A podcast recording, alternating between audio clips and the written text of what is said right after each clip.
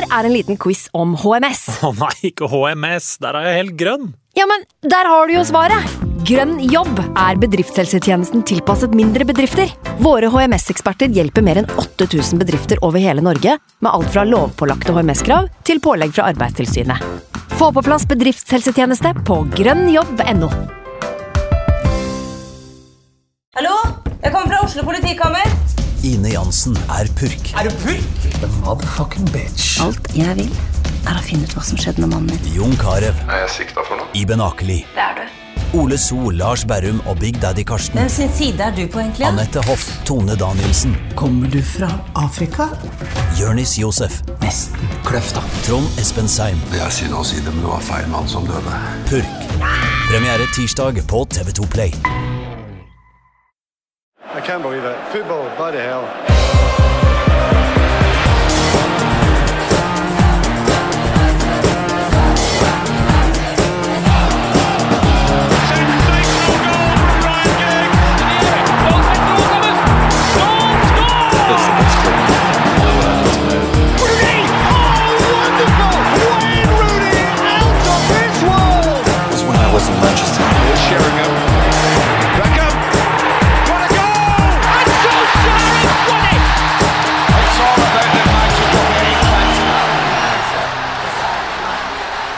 Velkommen skal du være til United We Podcast Silly Season spesial i dag med meg, Ken Vasenius Nilsen, og med Eivind Brennhovd Holt fra United.no. Velkommen, Eivind.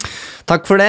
Det er så mye å prate om at vi kan bare være to. Ja, vi tenker at Det er lettest å være to for å strukturere det, sånn at folk får med seg absolutt alt. Vi har litt lyst i dag å gå gjennom alle de navnene som er linka til Manchester United, ehm, og se litt hvor sannsynlig det er at de kommer. Vil vi ha dem? Hva trenger vi? Så videre. En klassisk sånn um, transfervindu-pod, rett og slett.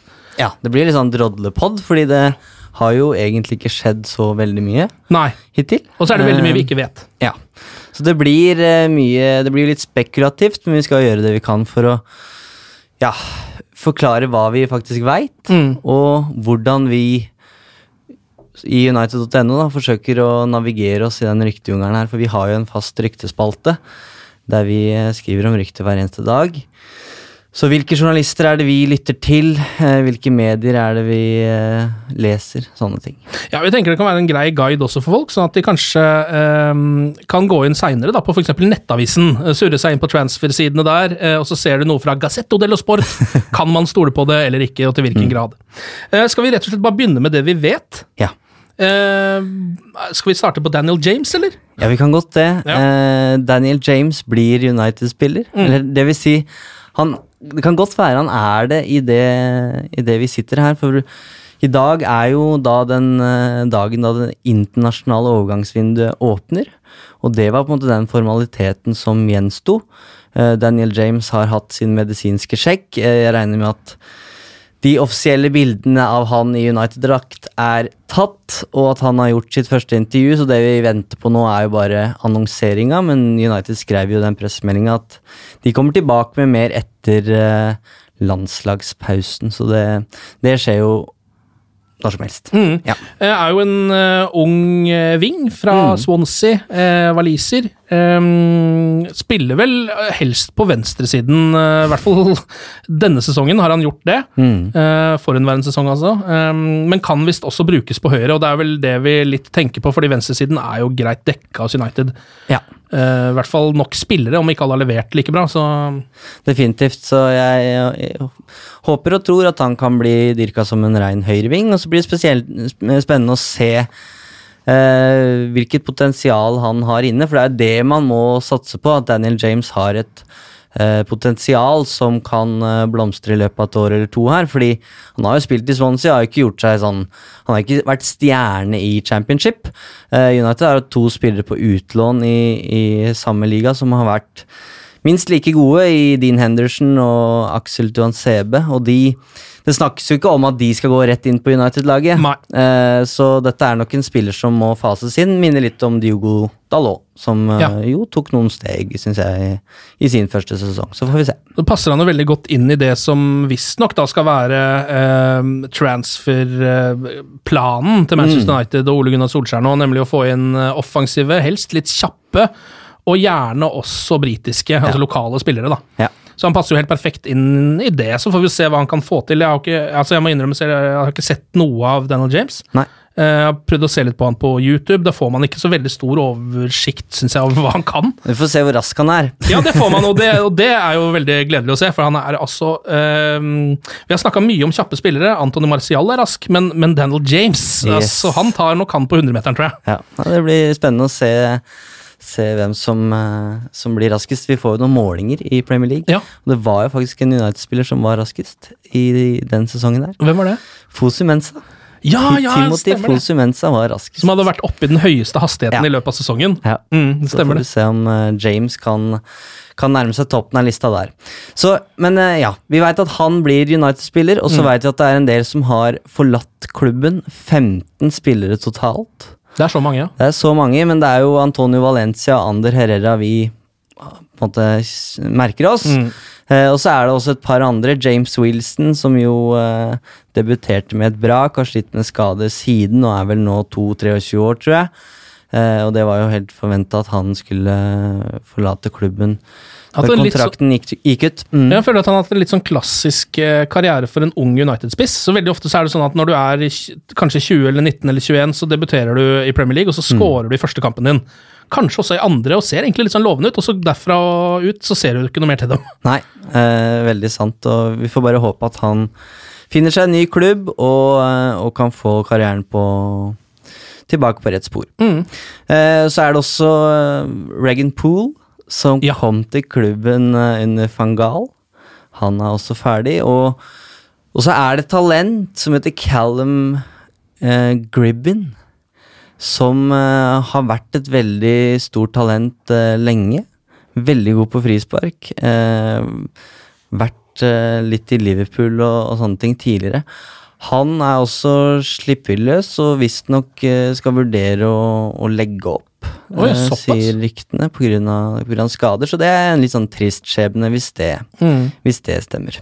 Eh, men det er de ja, det er ikke de, Jeg skal ikke nevne alle de 15, men det er altså 15 spillere som har forlatt klubben. da, Men det er jo da Valencia og Herrera som, som er eh, fra førstelaget. Og så er det Juan Mata som kan forlate eh, i sommer. Det veit vi ikke. Det har vært snakk om at han har fått tilbud om ny kontrakt. Men at han eh, enn så lenge har takka nei. At han vil ha en toårskontrakt. Ja, det har jo vært snakk om det helt fra starten av, at United vil gi han et år maks, mens han vil ha to. Ja. Så ja, så det, vi veit at han kan forlate klubben, men vi er ikke noe klokere enn når vi sitter her. Eh, når det gjelder det som kanskje de fleste er mest interessert i, da, hva som skal inn, Ja. så veit vi at uh, A. Ole Gunnar Solskjær vil forsterke laget. Uh, han har jo ikke sagt det rett ut, men du skjønner jo det ut fra de pressekonferansene han har hatt. Her vil det bli endringer i, i sommer. Uh, og B. Han har fått garantier fra Ed Woodward offentlig om at han vil få betydelig støtte fra klubbledelsen. Eh, så blir det litt opp til hver enkelt hvorvidt de vil tro på Woodward. Vi vet jo at José Mourinho fikk ikke støtte fra, Mourin, nei, fra Woodward og, og ledelsen i fjor sommer. Men eh, man skulle jo tro at med et nytt prosjekt her, en ny manager, så er klubben villig til å gi de midlene som trengs. Og det tyder jo også mange av rapportene på. Så det er egentlig det vi veit, og det er jo fint, fint lite. Ja. Og så er det tusenvis av eh, artikler hver eneste dag om hva som kommer til å skje i fremtiden. Og det er det som er så vanskelig å forholde seg til som supporter. Ja, Det er jo nesten ingen klubber i verden som får mer rykte rundt seg enn Manchester United. Altså Spillere blir jo linka dit hver eneste dag, blir linka bort derfra hver eneste dag. Um, og så er det samtidig så uh, har man jo Eller i hvert fall jeg har fått en litt sånn følelse at de siste årene så har Manchester United blitt et slags forhandlingskort for andre klubber. Mer enn en klubb som reelt sett kan kjøpe de beste spillerne, da. Eh, og sånn har det jo vært inntil videre. Um, så får vi se hvor det hele ender. Um, jeg tenkte jo det samme da Alexis Sanchez uh, var på vei til City. Jeg trodde aldri han skulle komme til Manchester United. Det gjorde han jo uheldigvis. Uh, så man vet liksom aldri helt hva som skjer rundt omkring. Men vi kan jo prøve å um, gå gjennom kanskje noen av de spillerne som har vært hardest linka til Manchester United. Det ligger jo en artikkel ute på United.no nå, Eivind, som du har jobba med. uh, hvor du har en liste over de spillerne som oftest har blitt linka til United, rett og slett. Ja. Ganske enkelt, så Det er vel de tre siste åra nå, så har jeg tatt for meg et eh, ja, fra 1. februar, egentlig, til den uka vi er nå i juni. Mm. Eh, så jeg telt opp alle ryktene vi har hatt hver eneste uke i ryktespalta på united.no. eh, for å se hvilke spillere som har vært kobla til United hyppigst da, Ja. i løpet av de siste seks månedene. Og kan jo si at i 2018, altså i fjor, så var det 437 rykter på de seks månedene. I 2019 så har det økt til 514. Det betyr i snitt fire rykter om Manchester United hver eneste dag. Ja, og det er sånn det føles også. Det er jo Ja. akkurat sånn det føles. Man blir jo nesten litt utmatta av å Ja. følge med på det hele greiene. Eh, I hvert fall når det ikke liksom kommer noen resultater av det sånn uh, umiddelbart heller, så blir man jo litt sånn Hva i alle dager er det vi skal tro her? Eh, på toppen av den lista eh, nå, fra 1. februar til 9. juni 2019, eh, så ligger jo da Matheis de Licht, mm. stoppertalentet fra Ajax, som hele verden snuser på. Eh, han er den som er mest omtalt eh, i rykter eh, til Manchester United, da. Ja, og vi kan jo, vi kan jo ta topp ti-lista eller noe sånt, ja. og så kan vi ta en liten setning eller to om, om hver. Altså, som vi, sier- det skrives sikkert noe om de likte United mens vi sitter her nå. Ja. Så det å på en måte være helt oppdatert på, på siste nytt er umulig, men ehm, inntrykket mitt er at det har vært færre rapporter om de likt nå enn det det var for én til to uker siden. Uh, og det virker som at det at United ikke er i Champions League, kan være en avgjørende faktor for at det ikke blir United da, på, på det likt, som selvfølgelig kan, eh, kan velge. Han har jo spilt landskamper nå for Nederland, sa han skulle ta ferie.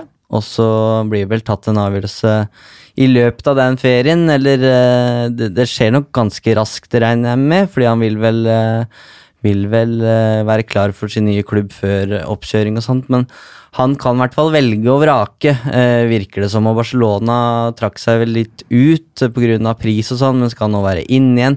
Så, men Barcelona og PSG virker kanskje de mest uh, aktuelle, da, mens vi sitter her nå. Så Ja. det, det at han ligger på toppen av den lista, er egentlig litt misvisende akkurat nå, da. Jeg tror det er vel bare et tegn på at han er den mest attraktive spilleren på markedet nesten akkurat nå. Mm. Uh, Og Manchester United er den klubben alle blir linka til. Så jeg tror det uh, er et resultat av det, rett og slett. Kanskje mer enn Ja. at det er reelt at han kan dukke opp i United-trøya med det første. da. Jeg føler også at de, Det har kommet mer rapporter i det siste også, eh, som er av typen eh, United er ute av forhandlingene. Ja. på en måte. Og det vet man ikke om er sant, men ja, det skrives i hvert fall.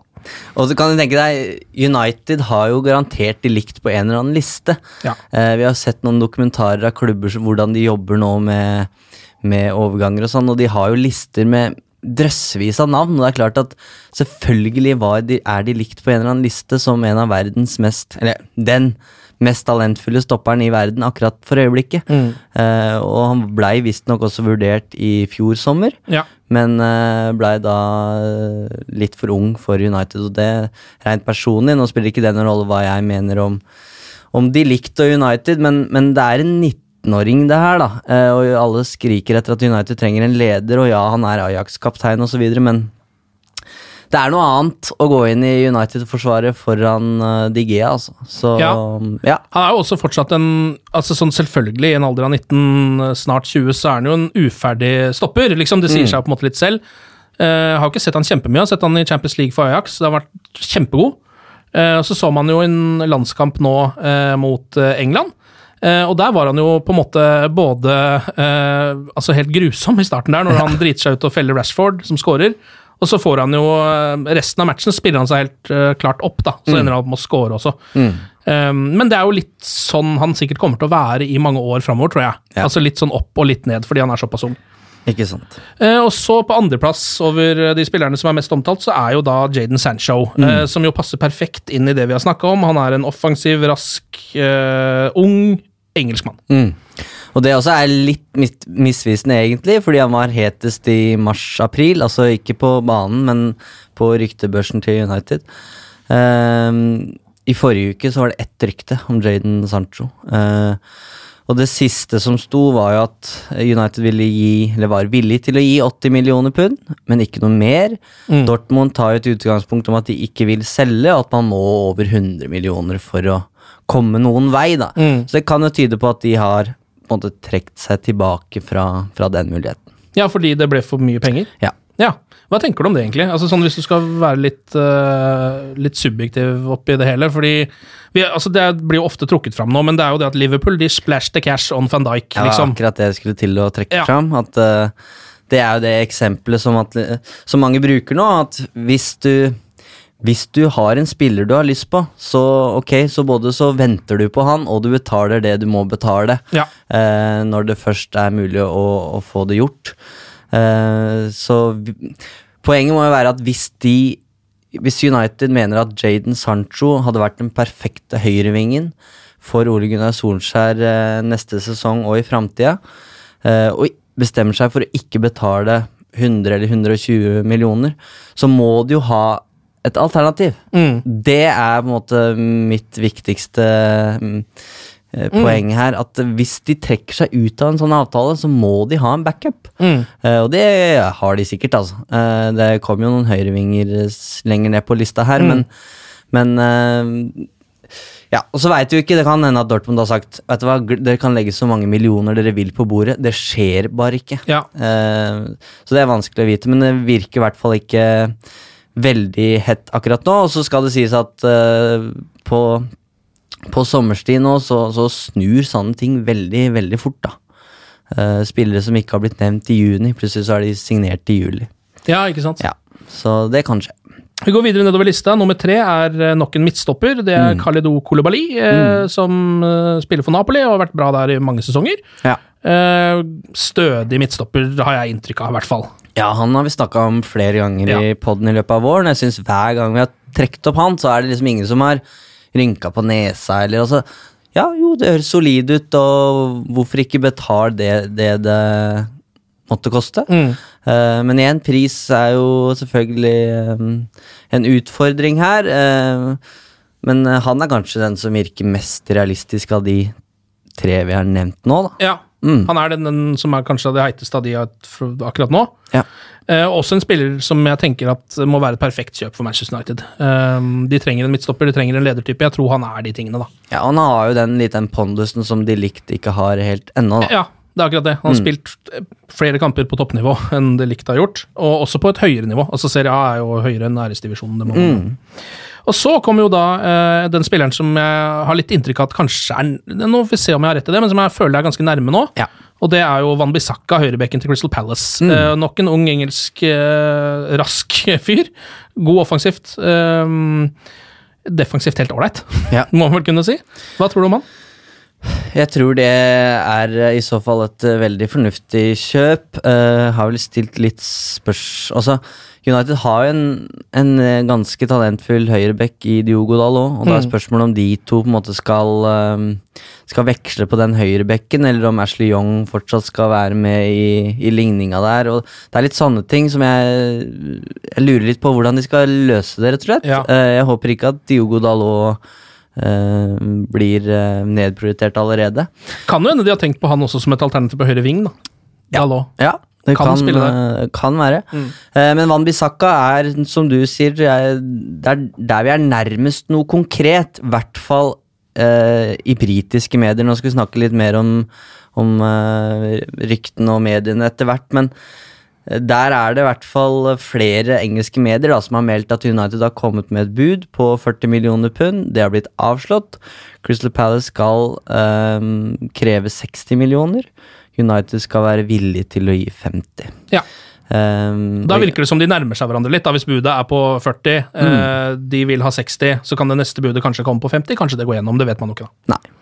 Uh, Men det, det er, ja. ja. det er et eksempel på hvor, eh, hvor sykt det overgangsmarkedet vi nå befinner oss i, er. Så Aron Van Bissaka hadde én god Premier League-sesong. Han er en talentfull høyreback.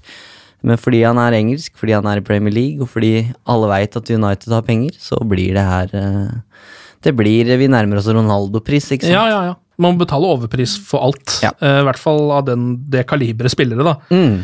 Og så kommer vi til Chau João Felix, som er nestemann. Den unge portugiseren. Han har fortsatt eh, tannregulering, såpass ung er han. Eh, gjort det bra i Benfica denne sesongen. Så han i eh, spille så vidt for Portugal i Nations League. Der var han ikke noe bra.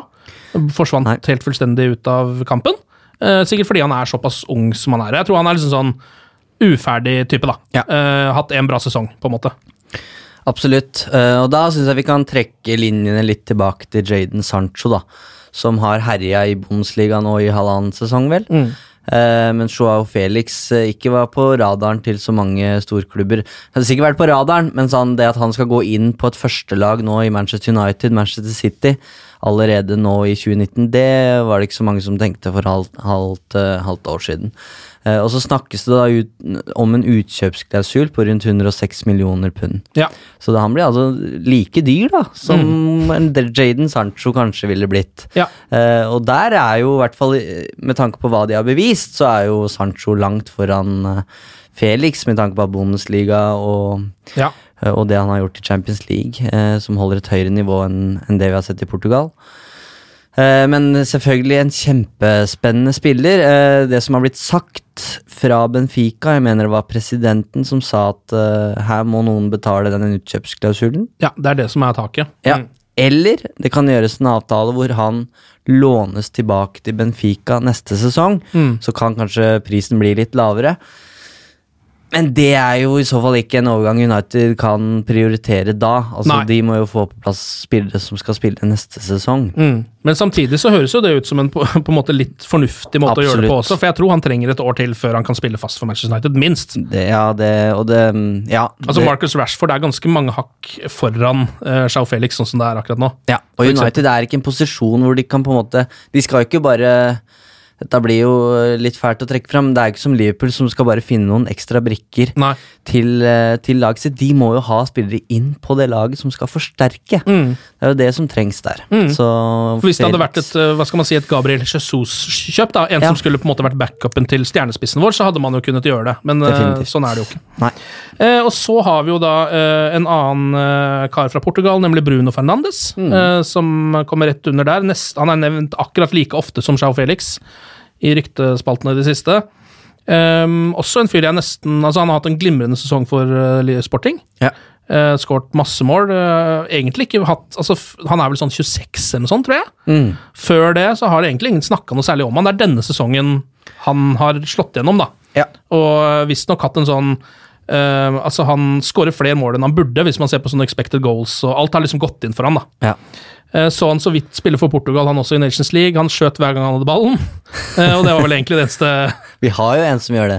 ja, ja, ja, vi har jo det. Det er flere som ja. kan finne på å gjøre det. Så ja, Men hva tenker du om han, da? Nei, det er uh, igjen spennende. Det skal være den beste spilleren i Portugal eh, akkurat nå. Og det har vært veldig, veldig mye skriverier om han i Portugal. Eh, men det med portugisiske medier er litt spesielt. Eh, terskelen der er mye lavere enn det vi er vant til fra i hvert fall i Norge, men også i, England. Altså det, det skrives så mye. Og i Portugal så, så legges det ut lister eh, fra klubbene om hvilke speidere som var på hver eneste kamp. Oh ja, ja. Eh, og det er klart United har jo en speider i Portugal, og han, han sitter jo ikke hjemme og ser disse kampene, han drar jo rundt og kikker. Ja. Så hver gang United er til stede, og det er jo nesten hver eneste helg, så, så nevnes det her. Mm. Og så plukkes det opp av engelske medier, og så har da portugisiske medier en tendens til å spinne videre på da sine egne rykter igjen, fordi de har blitt tatt opp i England. Ja, så det, da er- får det, det blir en sånn karusell Ja. som bare uh, Ja, De validerer veldig sine egne rykter ved at de er skrevet i England, ja. men det har i hvert fall kommet rapporter om at det har, eh, United har lagt inn et bud på jeg tror det var 50 pluss 20 millioner.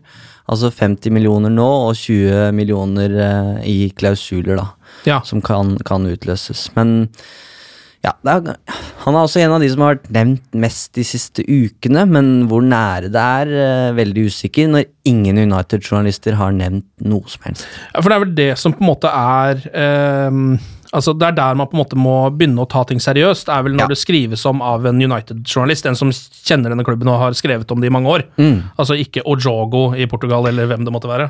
Ja, i hvert fall for oss. Ja. Ellers så blir det helt umulig å og ja, Hvordan skal du på en måte vurdere italienske medier opp mot det portugisiske for eksempel? Ja. Manchester United er jo så store at uh, italienske medier kan fint komme med en rapport på en fransk spiller som spiller i England og skal til Spania. Altså det, det, Ja. det er så internasjonalt, da. Mm. Og globalt. Ja. Og så nestemann på lista er jo da, og det her sier jo noe om ehm, hele dette opplegget at det er ikke nødvendigvis de som skrives mest om, som er mest aktuelle, for det er jo Daniel James som kommer etter dette. Mm. Så han er så, på en måte så vidt skrevet om, da, kan Ja. man på en måte si, og han er jo den eneste som så å si er klar. Ja. Eh, og så etter det har vi da Harry Maguire. ja. Har vært rykta lenge, siden VM omtrent. Um, hva tenker du der? Simon Stone i BBC, som vi skal snakke litt om etterpå, han eh, er vel en av de vi stoler mest på. Uh, han skriver at Leicester ikke vil selge Maguire, eh, og at prisen der kan eh, bli et problem, at United er interessert, men det nevnes jo da 80 millioner, ikke sant. Det er, Det er enorme summer. Ja. Og Harry Maguire Det er jo delte meninger, for å si det, for å si det sånn, da. Eh, Ja. Han er engelsk, og han eh, er svær og er jo en god midtstopper, men om han har vært den prisen, det, det er vel delte meninger om. Og ja, han hadde vel ikke noen supersesong for Leicester etter, etter et godt VM. Nei. Så um, ja, men han er i hvert fall en av stopperne som vurderes. Men det er vel mange United-supportere tror jeg som holder Kolibali foran Maguire. Mm. Og så er det en uh, liten gjeng med akademispillere som dukker opp etter det. Ja, det er en samle, samlebetegnelse, Ja. men dette er jo spillere under 18 år som er kobla, så det er vel 15 stykker av de Ja. Som har blitt kobla i løpet av de siste seks månedene. Og da har jo kommet en nederlender, faktisk. Det er bekrefta fra Ajax. Jeg husker ikke navnet i farta, Nei. men uh, en 16-åring. ja. Mm. Og så helt uh, til sist på denne topp 10-lista så finner vi da uh, Gareth Bale. Ja. Han eh, har blitt linka tolv ganger, har det blitt skrevet om han i løpet av det siste. eh, altså fra februar og utover. Um, og i det siste så har jeg vel sett at de ryktene som går, handler om en eventuelt låneavtale. Mm. Eh, At ikke, United skal altså ikke kjøpe han, men låne han fra Real Madrid. Um, og jeg kjenner jo at jeg, altså, at jeg blir ganske skeptisk til det hele, fordi Gareth Bale er jo en sånn um, Altså, han Jeg får jo litt av Alexis Sanchez-vib, da, for å si det Oh, sånn. Det er ikke en mann som nødvendigvis trenger å slå gjennom dette. Uh, og så er han eh, en av verdens på en måte liksom sånn mest omtalte fotballspillere, da, hvis man Mm. skal si det på den måten. Om ikke han er en av de beste, så er han en av de som skrives mest om. Hvis Manchester United gjør det, hvis de henter Gareth Bale sommeren 2019, eh, så tror jeg de stikker hull på ballongen for veldig, veldig mange supportere som har på en måte nå fått signaler om at det er en ung manager, Ole Gunnar Solskjær, som skal tenke moderne fotball, og som skal hente unge, eh, moderne fotballspillere. Det er ikke Gareth Bale, uansett hvordan du vrir og vender på det. Eh, han har slitt i Real Madrid. Han er jo en god fotballspiller, selvfølgelig, men det er Hvis United tar den risikoen etter på en måte Falcao, eh, Di Maria, eh, Alexis Sanchez og går i den fella igjen, da Ja. tror jeg tålmodigheten er i ferd med å, å gå slutt for mange. Men samtidig så er det jo et lån, da. Jeg tenker jo sånn Ja, det, ja, det endrer jo litt på det. eh, Ja, eller at man har ikke så mye å tape, tenker jeg da, hvis man Nei. låner en spiller. Eh, rent økonomisk så kan det jo være det. Falcao fikk mye penger eh, Ja. når han var her. Eh, det gjorde også Monaco. Um, men ja, det gjør, det gjør litt annerledes. Men jeg tror et uh, Gareth Bale-kjøp vil, uh, uansett hvordan det løses, så tror jeg ikke det er løsninga for, eh, for United. Og det, ja, det tror jeg ikke det er så mange andre som, som tror heller. Men, ehm, men han er på lista, og det tror jeg han var i både 2018 og 2017 også, så får Ja. vi se. ja. ja, ikke sant. Det var den topp ti-lista over de spillerne som er linka til eh, Manchester United. Um, Så, ja, det er to til da, som jeg bare har notert her, eh, som har vært snakk om litt i det siste. og Den ene er Thomas Monier, som er en høyreback. Ja. Nå har vi snakka om Banbisaka, som jeg sa, litt rart fordi man har Diogo Dalot, som også er talentfull. så hvordan skal de på en måte rotere? Med Monier så vil du få en rutinert høyrebekk, da, som er et klart førstevalg, og så kan Dalot på en måte fases inn. Eh, og så kan det godt hende at begge parter er fornøyd hvis Monier reiser igjen om to år når Dalot er ferdigutvikla, på en måte. da. Men eh, nå sa han nylig at han ønska å bli i PSG, så får vi se hva som, som skjer der. mm. Jeg tenker jo også Han er sånn et kjøp jeg har litt troa på, bare fordi Ja. han går rett inn. Jeg har aldri sett han spille veldig dårlig. Ja, og det blir en litt sånn no-brainer. ikke sant? Ja. Du tenker ok, det er ikke det er ikke, Du får ikke en trollmann på høyrebekken, men det er solid, liksom. Mm. Og det er jo det vi er ute etter. uh, på høyrebekk. Og så er det James Madison, som også har vært nevnt en del. Uh, der er det også blitt sagt at United på en måte er i førersetet. Men hvor, hvor mye blir det? Altså, nå hører vi 80 millioner på Harry Maguire. Hvor mye skal da Leicester ha for en eh, James Madison, som hadde en braksesong i Premier League, og, og som bare har vært i klubben i et år? Mm. Ja. Han var vel den som skapte flest sjanser i Premier League Ja. sånn, i løpet av hele sesongen, tror jeg. I åpent spill, eh, Ja, i åpent spill, ja. tror jeg han var det. Så ja, det, det er ganske heftig. Uh, skal vi snakke også litt om Paul Pogba?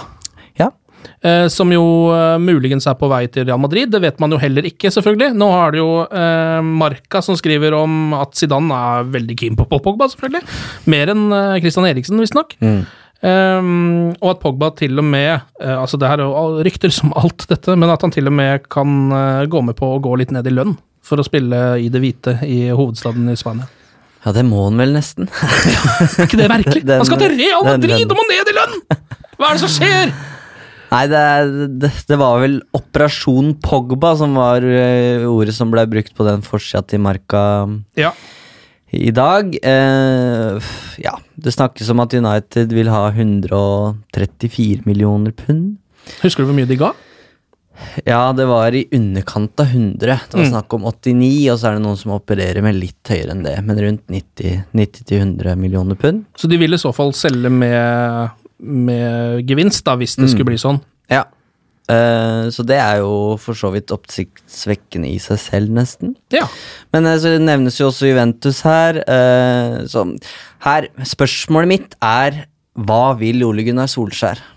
Jeg tror ikke Ed Woodward har lyst til å selge Paul Pogba.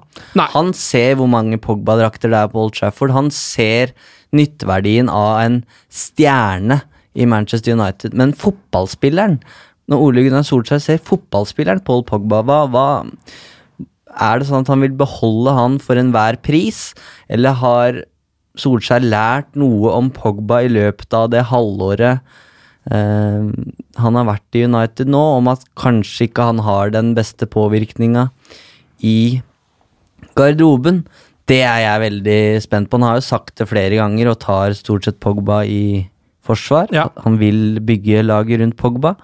Men skal man bygge laget rundt en spiller som ikke vil være der, eh, og som heller ikke leverer så godt som han bør gjøre, det er jo spørsmålet.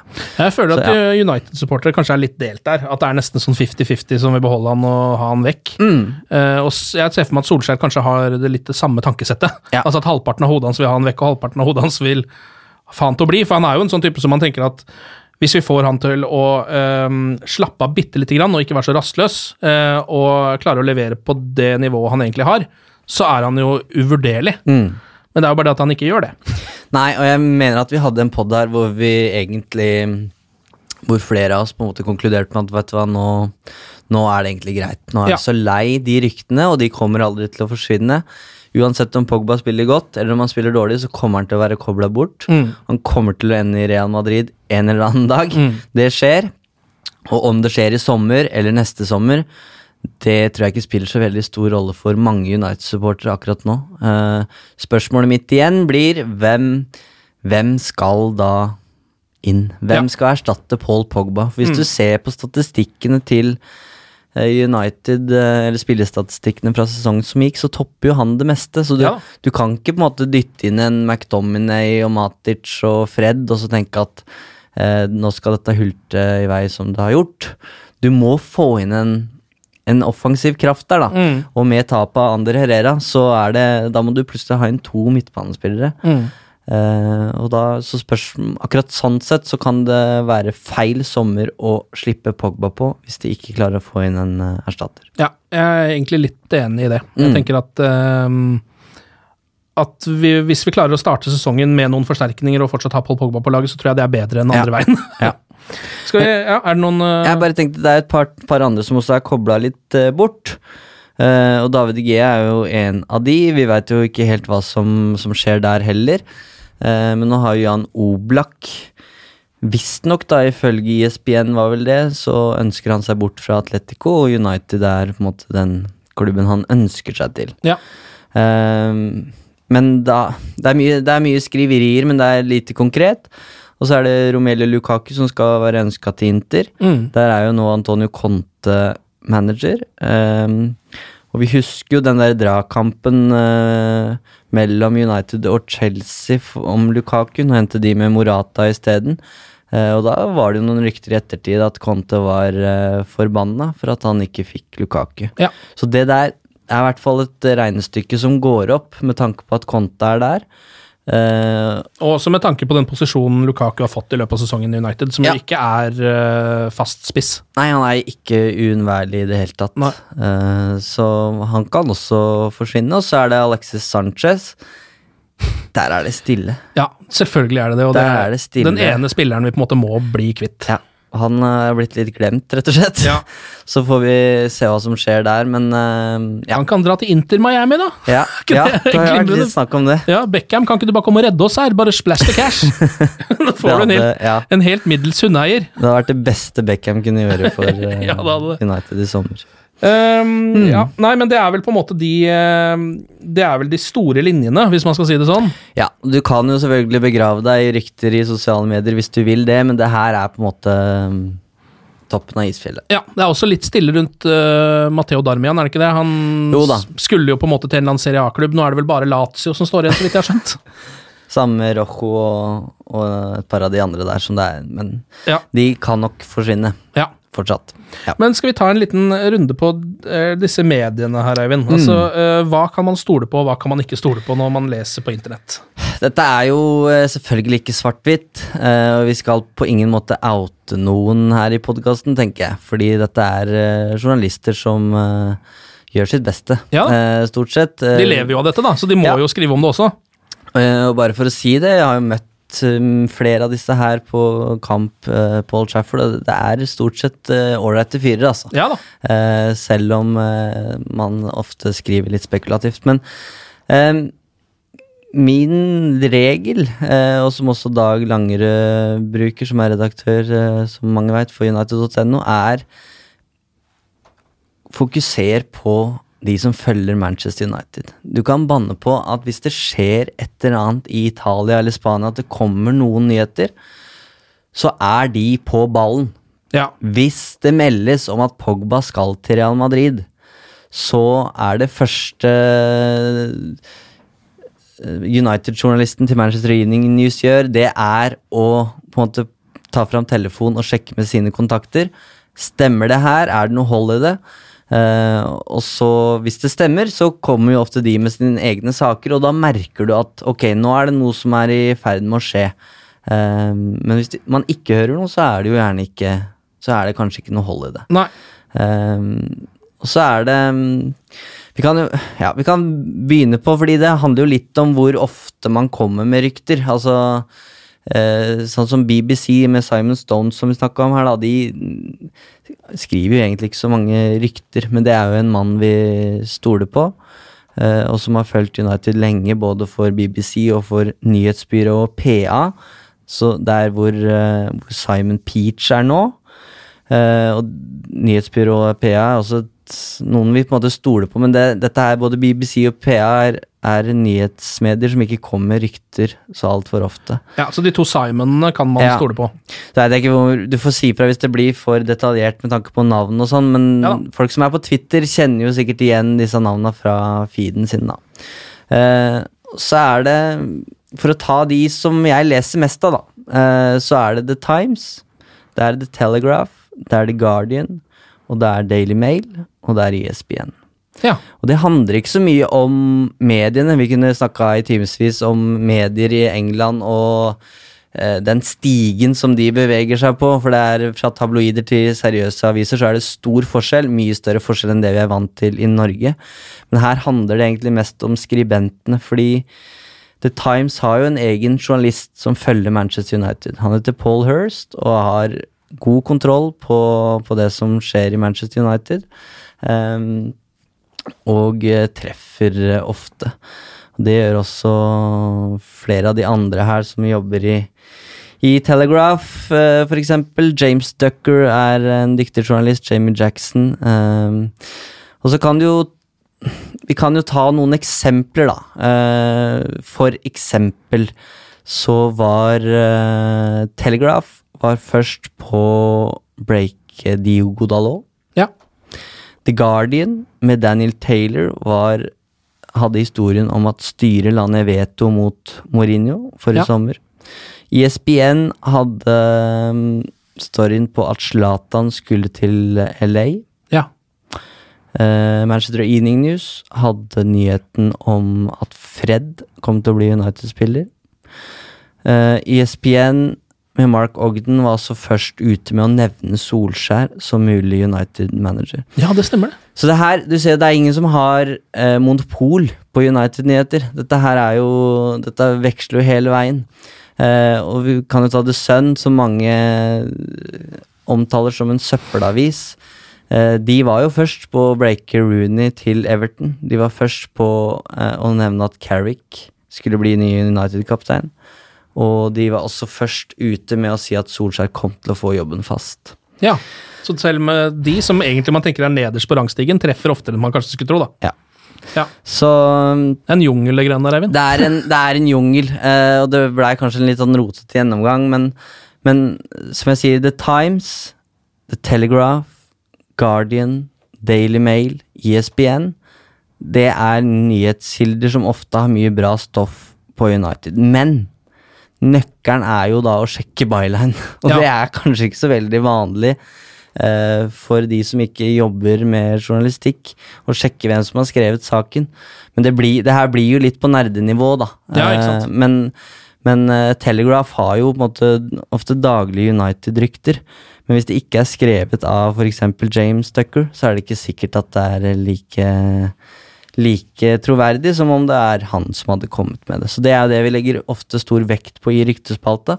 Hvem er det som har skrevet nyheten? Eh, hvis det er eh, Daily Mail som har kommet med den, er det Chris Wheeler, som noen sier eh, må ha et eh, overvåkningskamera på Carrington fordi han veit så mye? ja. Eller er det en av avisens andre sportsjournalister som ikke følger United hver eneste, hver eneste dag? Så det letteste er egentlig å bruke United.no, gå inn der. Ja, eh, det- så- ja, men det er jo det, da. For der skriver jo eh, du og de andre som skriver der, hvem som har rapportert om dette, og man kan stole på personen. Ja, Man får i hvert fall en, en pekepinn, og så er det mange andre som er eh, med i gamet her enn de vi har nevnt. Uh, Duncan Castles hadde en del United-nyheter når, han- når Mourinho var der. Uh, vi har Andy Mitten på United.no, Ja. som vi uh, stoler på, selvfølgelig. Han har jo vært i gamet lenge og er veldig Han veit mer enn han sier, ofte, da. Ja. Og det er jo ofte et kvalitetstegn. Og så er det et par utenlandske også. Fabrizio Romano fra Italia. Han var først både på Sanchez-overgangen, på Mourinho til United og på Pogba til United. Oi, Så han er sterk. De største Eh, overgangene vi har hatt det siste året, egentlig. Mm. Ja. Så der har han uh, tatt innerfinger på, på alle de britiske. Så det er jo Og vi veit jo at franske Liquip er også um, Kommer jo ofte også med, med nyheter. Så ja. Det er en jungel, men uh, det viktigste, som sagt Følge med når flere United-journalister begynner å melde det samme. Da er det verdt å, å følge med. Skal vi ta en runde på Vi har fått inn noen spørsmål også eh, på eh, Facebooken til United.no, Eivind. Eh, fra folk som lurer på diverse ting om eh, Uniteds transfers. Vi kan jo eh, se om Det er jo ikke sikkert vi kan svare på alt dette, selvfølgelig, men vi kan jo prøve så godt vi kan.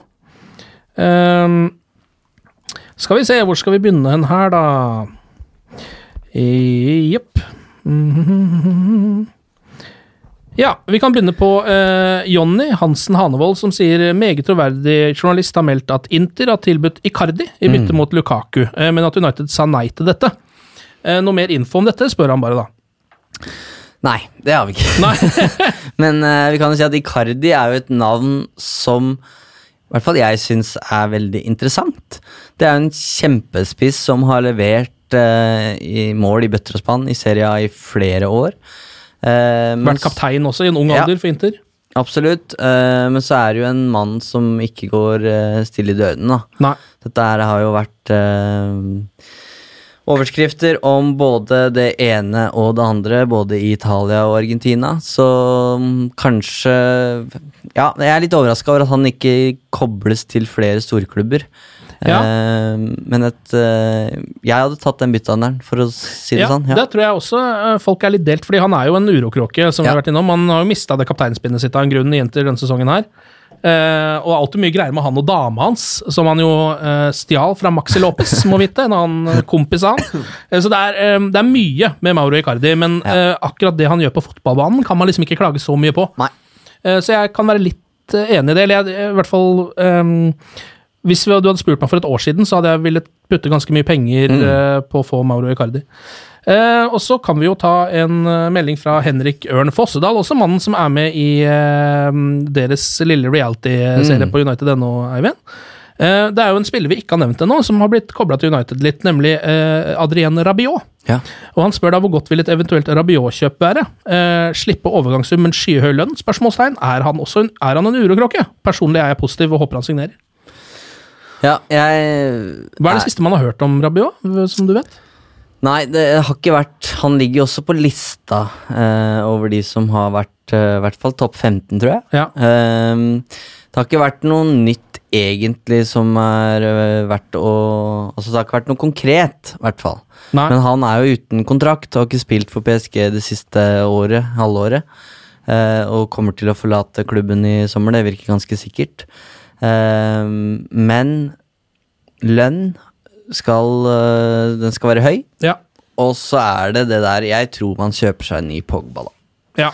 Fordi man kjøper en spiller som eh, holdt på å si Forlater PSG på den måten, uh, og alle de historiene vi har hørt om, uh, om uh, Ja, den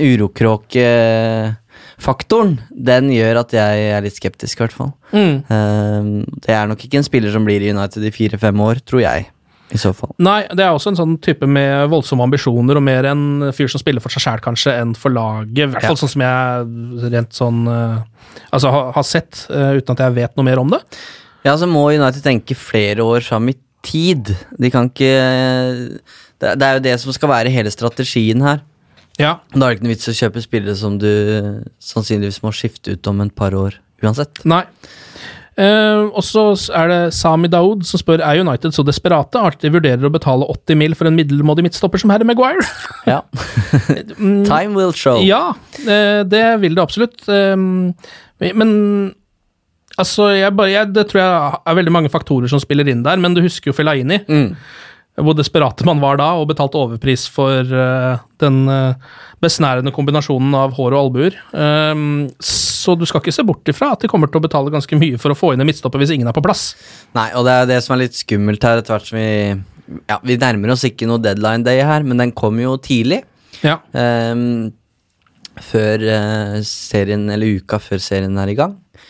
Eh, ja, samme uke som serien sparkes i gang. Mm. Ehm, og det er klart, eh, jo nærmere vi kommer den datoen, jo dyrere blir det.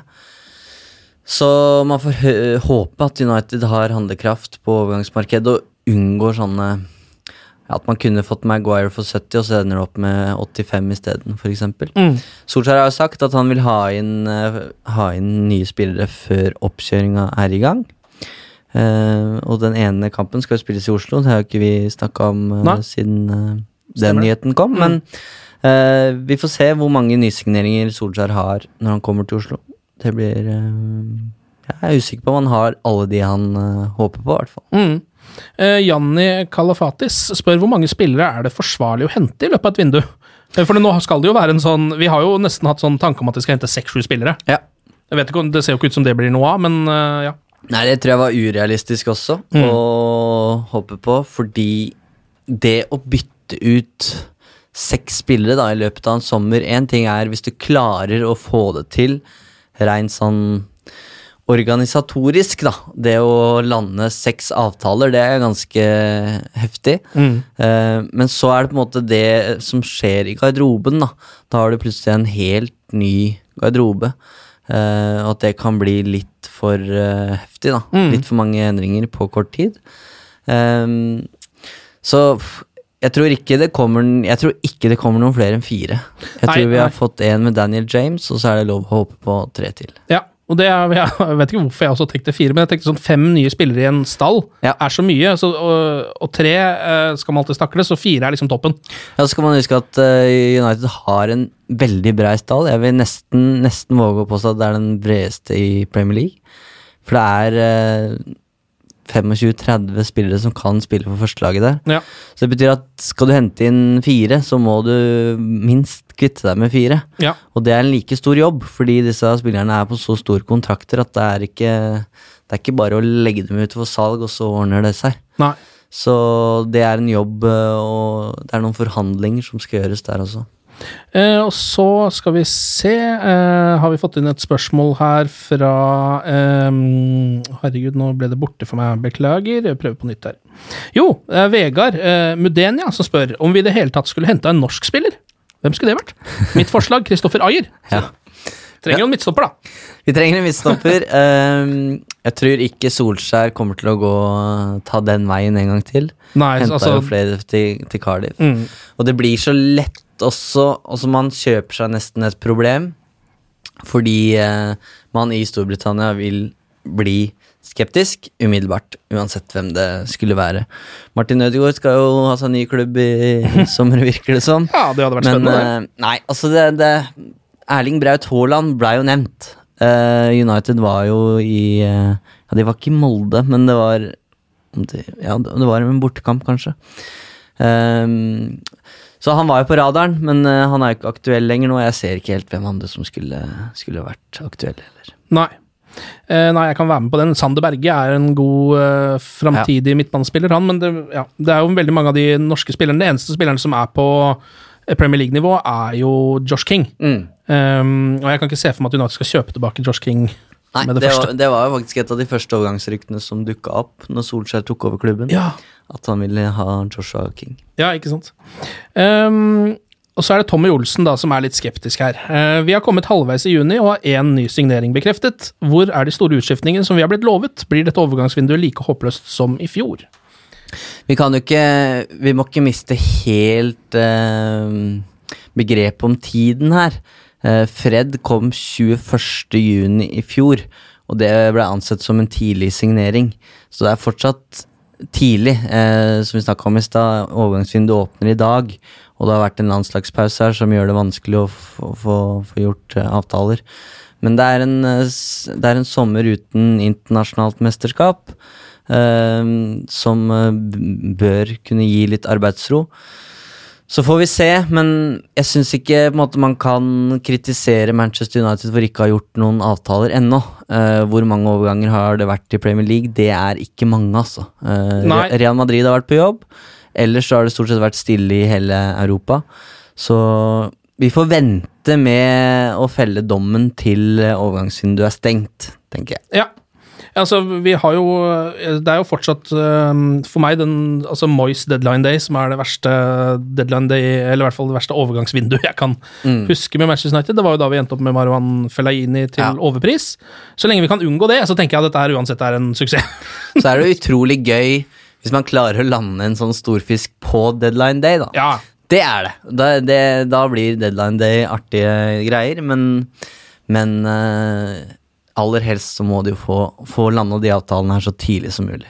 Christian eh, Gulbrandsen Sivertsen spør cash inn på Pogba dersom vi kan lokke Eriksen til United. Han har vi ikke nevnt ennå. Christian Eriksen Nei. vil jo ha gått til en ny klubb. Uh, er jo en spiller som jeg i mange år har sikla på til Manchester United. Virker som en perfekt spiller for Manchester United. Eh, og en som kunne gått rett inn i det laget og spilt hver eneste kamp og levert. Ja, jeg er helt med deg der. Har eh, ja, sikla på han lenge. Eh, vi har jo eh, et samarbeid med Oppda. Eh, Statistikkbyrået. statistikkbyrået, han som eh, hjelper oss der, han har jo god kontroll på det som eh, skjer på banen i Premier League, og han har sagt det lenge, at Christian Eriksen er den midtbanespilleren Manchester United trenger. Ja. Eh, han skaper veldig mange sjanser. Eh, på målpoeng så er han jo ikke noe sånn sinnssyk, men han, han eh, skaper veldig mange sjanser i åpent spill. Altså han har pasningen som fører til at noen skyter, da. Ehm, så ja, jeg er positiv til Christian Eriksen, men jeg er veldig usikker på, um, på hvor sterkt United stiller der, om de i det hele tatt er interessert. Det er jo Real Ja. Madrid som virker uh, som det åpenbare valget der. Mm. Men uh, ja. Nei, eh, jeg håper bare eh, Men det her er jo sånn som en supporter alltid vil tenke. Men jeg håper liksom United i hvert fall eh, For det virker jo ikke som de er på den ballen i det hele tatt akkurat nå, Nei. hvis vi skal følge de medieryktene vi har lest. Men jeg håper jeg liksom at de er, for det er litt sånn øh, eh, hva skal man si, en gang hvert femte år-aktig kjøp. En gang hvert tiende år-aktig spiller, da, hvis du skjønner hva jeg mener. Som de har nå mulighet til å få.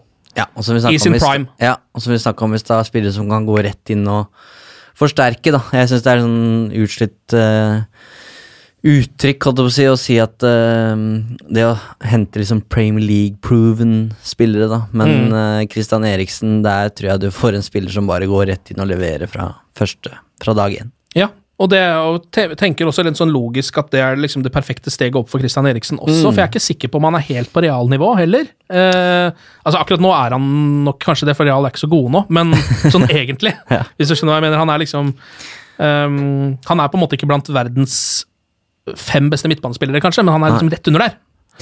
Men eh, ja, hvis Pogba går til Real Madrid, så mm, Eriksen til United. Det hadde vært noe, det, altså. Mm. Eh, Mathias Rishaug spør United sled voldsomt med å styre spillet mot de beste lagene i fjor, PSG, Spurs, City, Barca. Eh, bør ikke en kontrollerende midtbanespiller à la Ruben Neves eller Frenke de Jong, som han også nevner, være av høy prioritet? Frenke de Jong er jo klar for Barcelona, så å si, så han er Ja. vel gone, men ja. Ja, jeg syns jo Ander Herrera, tapet av Ander Herrera, ødela balansen fullstendig. Eh, på min liste så sto en defensiv midtbanespiller øverst før vi eh, visste hva som skjedde med Herrera. Men, men nå endrer jo det seg litt. Nå er det viktigere med en litt mer dynamisk uh, indreløper, hvis de skal spille 4-3-3. Ehm, fordi man uh, kan ikke satse på at Fred skal levere det samme som André Herrera har gjort de siste sesongene. Så ja, absolutt. En, det ville vært en prioritet, men jeg tror det er andre steder skoen trykker nå, tror jeg. da At man nesten må holde ut med en Matic i en sesong til. Ja, ikke sant? Mm. At man rett og slett ikke kan prioritere det. Det er for mange andre spillere som må byttes Ja, ut. så må du se på alternativene, da. Dette er Manchester City, som jo har hatt større suksess enn United de siste åra. Har jo leita etter en erstatter for Fernandinho i noen år nå, og har på en måte ikke funnet den riktige, da. Eh, Chelsea kjøpte Jorginho i fjor, og det har gått sånn Passe. tålelig greit. United prøvde jo med Fred, selv om han kanskje viste at det, han, var, han var ikke helt den typen. Men, men det å finne midtbanespillere som skal gå inn på laget til liksom en av verdens største klubber og styre spillet, styre kampene mot i de kampene som han nevner der, da, mot PSG og City og Liverpool, det Du skal treffe ganske bra, da. Ja. Det er ikke så mange som, som går, kan gå inn og gjøre den jobben. Nei. Så ja, en vanskelig oppgave. Eh, Oding Dyrdal helt til slutt her sier eh, Pogba ut og van de Beek og Fernandes inn. Eh, og vi har vært innom Fernandes, men van de Beek har vi ikke snakka om ennå. Ajax-talent han også. Spilte bra i egentlig hele sesongen, både i æresdivisjonen og i Champions League. Var han jo helt glimrende. Eh, avgjorde flere- opptil flere kamper. Ja.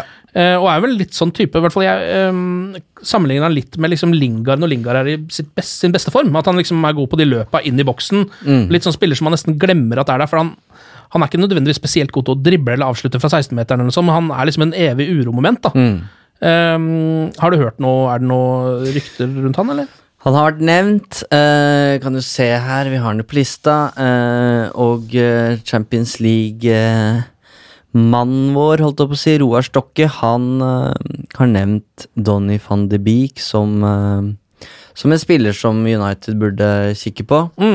Eh, Kan jo ikke være så Altså, han er jo på en måte den tredje eller fjerde beste av den Ajax-generasjonen, da. Ja. Så jeg tenker han kan jo heller ikke være så voldsomt dyr. Han er jo ikke Frenkie de Jong eller de Ligt, liksom, men Nei. Uh, ifølge lista mi så er den faktisk ikke nevnt i uh, det hele tatt. Nei. Men jeg veit at han sto Han står i ukens ryktespalte. ja. Uh, men det har jo ikke vært noe, ikke noe meldinger om noe sånn konkret interesse, i hvert fall. Men det er jo en spennende spiller, og så må vi være litt forsiktige, syns jeg, for eh, ja, man skal la seg begeistre av et Ajax som leverer den fotballen de gjør, Men det er ikke gitt at liksom alle alle der eh, går rett inn på et Manchester United eller Real Madrid eh, og leverer, og det er på en måte Frenkie de Jong og de likt er jo Sånn som jeg har forstått det, godt hode foran eh, Ja. van de Beek, for Ja. eksempel. Da. Men det ville vært et kjøp som jeg som United-supporter ville applaudert, fordi det er riktig tankegang. Det er den filosofien vi ønsker at Manchester United skal, eh, skal eh, drives etter. Da. Altså det, er, det er et spennende kjøp. En moderne fotballspiller. eh, så ja, absolutt. Eh, jeg tror det kunne vært en, god løsning. Men eh, det er, det er en det er et, så vanskelig puslespill United skal legge her, og det skal være en erkjennelse internt om at ting ganske enkelt må gjøres annerledes da, i Manchester United nå. Og det Jeg skrev det på slutten av sesongen at det er måte vanskelig å holde det mot United-supportere og at de er pessimistiske. Altså, Manchester United må gi oss en grunn til at vi skal tro på det neste prosjektet. her. De har mislyktes med Moyes, de mislyktes med van Gaal, og de mislyktes med Mourinho. Så hvorfor skal vi nå- etter den avslutninga på sesongen, hvorfor skal vi nå tro at de skal klare å bygge et prosjekt på én sommer som skal gi oss grunn til å stå på setene på Old Trafford og bare eh, juble med det røde hjertet vi har. Altså, Mm. det, det, det, bare noen avsluttende tanker her. Da. Den sørgelige avslutninga på sesongen gir oss kanskje et litt, litt vel pessimistisk syn på framtida, men etter det jeg har hørt, hvert fall, så er det flere rundt klubben som er bekymra for at endringene de, de skjer på en måte ikke raskt nok. da. Eh, og Så kan du tenke strukturelt, det blir altfor mye å gå inn på nå, men en sportsdirektør ville jo uansett ikke gjort noen forskjell i, i sommer. Så det blir på på det, på det sportslige planet, da. Så, så er det så mye som må skje i løpet av en sommer her. Og det er noen mekanismer som må sparkes i gang i den garderoben. Eh, det virker som at noen har for mye makt, og det United trenger, er jo fotballspillere som har den, de riktige holdningene. Det er for mange av dem som ikke har det i huet. Det har blitt sagt så mange ganger her at United vinner ikke Premier League med Chris Smalling og Phil Jones. Og det handler noe med de assosiasjonene man har med de spillerne, tror jeg. Eh, deres sjanser i United er på en måte brukt opp. Ja. Man trenger ledere. Man trenger eh, Man trenger rett og slett nesten en ny garderobe, og derfor tror ikke jeg at to kjøp på 100 millioner eh, hver vil løse noen ting. Da. Det, er, det er flere brikker som må byttes ut, og da tror jeg at f.eks. en van de Beek er en sånn brikke som kan eh, kan være riktig sånn med tanke på fremtiden. Da. Og så er det ikke sikkert at det betyr Premier League-tittel neste sesong. Det er ikke sikkert det betyr Champions League engang. Men hvis United klarer å spille en fotball som begeistrer, så kommer du så langt. Ja. Og med en eh, manager som Ole Gunnar Solskjær, som er ganske, ganske mer sympatisk enn mange av de andre som har vært innom klubben de siste åra, og som er populær blant journalister fordi han er ærlig. Altså Han sier det som det er, istedenfor å sitte og ljuge på pressekonferanser. Så har du et så godt utgangspunkt, da. Eh, men samtidig så er det den balansen her. Pogba, Digea, hvis de to forsvinner da er det et helt nytt uh, regnestykke. Men jeg syns United har en stamme i Digea, Lindeløf, Shaw, Pogba, Rashford. Og så kan du legge til uh, Fred, Dalot Martial hvis de, har, uh, hvis de tar et steg til. Da har du et utgangspunkt, men du må fylle på med de riktige brikkene der. Og det blir Ja. Det er, det er ikke lett å finne de riktige, men nummer én for meg er at de må ha det i huet. Ja. Ja. Det trengs noen ledere der som, eh, som ikke er der i dag. Ja, men da er det det du tenker er da liksom at det eh, At den rette måten å gjøre dette på, er det vi på en måte ser litt konturene av nå, som er en tre-fire, kanskje, hvis vi kan håpe på det. Spillere eh, på rundt en 50-60 millioner, istedenfor å kjøpe inn én Dybala og en pff, Ja, hva vet ikke hvem det skulle vært, ja. Antoine Griezmann. Nei, definitivt, og jeg tror man må tenke på det sommervinduet her som Hva skal jeg si, ja? Eh, steg én, da. Ja. Eh, og så blir neste sommer steg to. Um, Mourinho sa det jo når han kom Nei, var det van Gaal som sa det? Døm meg etter tre år. Mm. Nei, det var Mourinho som sa det. Det var nok det, ja. Det var Mourinho. Eh, og det, det tar på en måte så lang tid, da. Eh, I hvert fall nå. Man føler at Manchester United er tilbake der de var i, i 2013. Um, og det er så Ja, det er, eh, det er så mye som uh, Som må endres da, i kulturen i klubben. Mm. Uh, og det tar tid. Sånn sett så er jo det overgangsviktige, kanskje, eller overgangsvinduet er et av de viktigste de har hatt eh, på lenge. Så vi får Mm. håpe at det skjer noe mer enn det som har skjedd til nå. Det må man jo håpe. Hvis ikke så kommer i hvert fall jeg til å gå inn i sesongen med ikke så veldig mye mer optimisme enn på slutten. Jeg tror, eh, jeg er litt tilbake til det jeg sa i stad, United må gi oss en grunn til å tro på det prosjektet. Ja.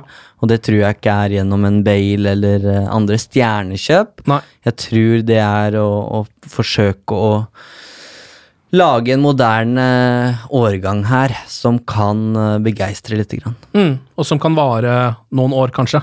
Så fordi de, At det er et fram, lag for framtiden og ikke et lag for nåtiden, nødvendigvis. Ja, og uavhengig av om det var Solskjær eh, som uh, tok over eller ikke, så mener jeg at tida var moden nå for et langsiktig prosjekt. Med Mourinho så handla det om å få resultater umiddelbart. Ja. Nå mener jeg at United må prøve å legge en mer langsiktig plan. Det er ikke bærekraftig å holde på sånn som de har gjort. Ehm, og da, er, da må vi ha litt tålmodighet, men jeg tror den tålmodigheten blir langt større hvis du får på plass et lag hvor man ser at her er det et potensial. Mm. Og det er jo det er jo gode spillere i klubben. Det handler bare om å få på plass noen brikker. Det er ikke så mange kjøp som skal til, tror jeg, før optimismen er litt tilbake igjen. Jeg syns det kan være en god avslutning på Ja. denne ryktepodden, Eivind. Takk for innsatsen. innsatsen. Likeså. Det er ikke bare bare å navigere seg i alt det her, men vi har gjort eh, det vi kan, og så får folk følge med på ryktespalten uh, Ja. på united.no. Der skal du i hvert fall ikke gå glipp av noe som er verdt å få med seg. Så er vi tilbake igjen så fort det skjer litt mer, eller hvis det ikke skjer noe, så kommer vi nok tilbake igjen da også. glory, glory.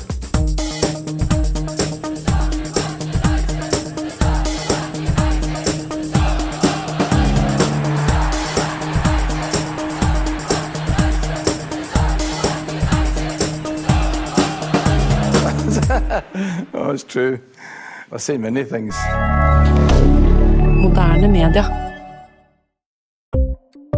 Ukens annonsør det er matkasseleverandøren Hello Fresh.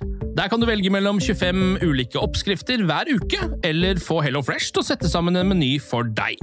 Jeg sparer tid på å handle, oppskriftene er veldig enkle å lage, og så får jeg akkurat det jeg trenger da, til hver eneste rett, så jeg slipper å kaste så mye mat som jeg vanligvis gjør. Det er også litt deilig å faktisk slippe å gå på butikken, ikke bare fordi det er tidkrevende og sånn, men fordi man ender opp med å kjøpe så mye greier som man egentlig ikke trenger, sånn som fire poser eh, Smash og en kick med havsalt, eksempel. Det er ikke det du egentlig er der for, du er der for å kjøpe, kjøpe middag. Så det er en veldig eh, kjekk ting. I tillegg så er det jo eh, ferdigporsjonerte ingredienser, det blir mindre matsvinn, og du betaler bare for det du faktisk trenger, og det du faktisk da spiser. I tillegg så blir det da levert på døra til et eh, fastsatt tidspunkt, sånn at du kan få det akkurat når det passer for deg eh, sjæl. Hvis Hello Fresh høres ut som noe for deg, så har jeg en rabattkode du kan bruke også. Gå inn på hellofresh.no og bruk koden HelloUnited24. HelloUnited i ett ord, også 24, og få opptil 1779 kroner i rabatt på de fem første matkassene dine hvis du ikke har prøvd Hello Fresh ennå. Du kan også bruke koden hvis du tidligere har vært kunde, men har stoppa abonnementet ditt for tolv måneder siden eller mer. Det er ingen bindingstid, og du kan pause eller avslutte abonnementet ditt akkurat når du selv måtte ønske. Husk koden HelloUnited24, og bon appétit! Ukens annonsør er Folio, en smartere banktjeneste for deg som har en egen bedrift eller ønsker å starte for deg selv. Folio er en superenkel nettbank for bedrifter. Som kunde i Folio får du en bedriftskonto med et bedriftskort og app. I denne appen er det smarte løsninger som forenkler regnskapet ditt, uansett om du har en liten bedrift eller et enkeltpersonsforetak. Folio er både intuitivt og brukervennlig, og er laget med et enkelt språk. I tillegg tilbyr de forutsigbare priser og ingen skjulte gebyrer. Skulle du likevel trenge det, så kan du snakke med deres raske og hyggelige kundeservice, og der får du prate med en faktisk person og ikke en chatbot. Folio er med andre ord både enklere og koseligere enn banken. Over 10 000 bedrifter har allerede valgt Folio som sin banktjeneste, så besøk folio.no og se hvordan Folio kan forenkle din hverdag også. Har du et enkeltpersonforetak eller en liten bedrift? Da er du sikkert lei av å høre meg snakke om hvor enkelt det er med kvitteringer og bilag i fiken, så vi eh, gir oss her, vi. Fordi vi liker enkelt. Fiken superenkelt regnskap.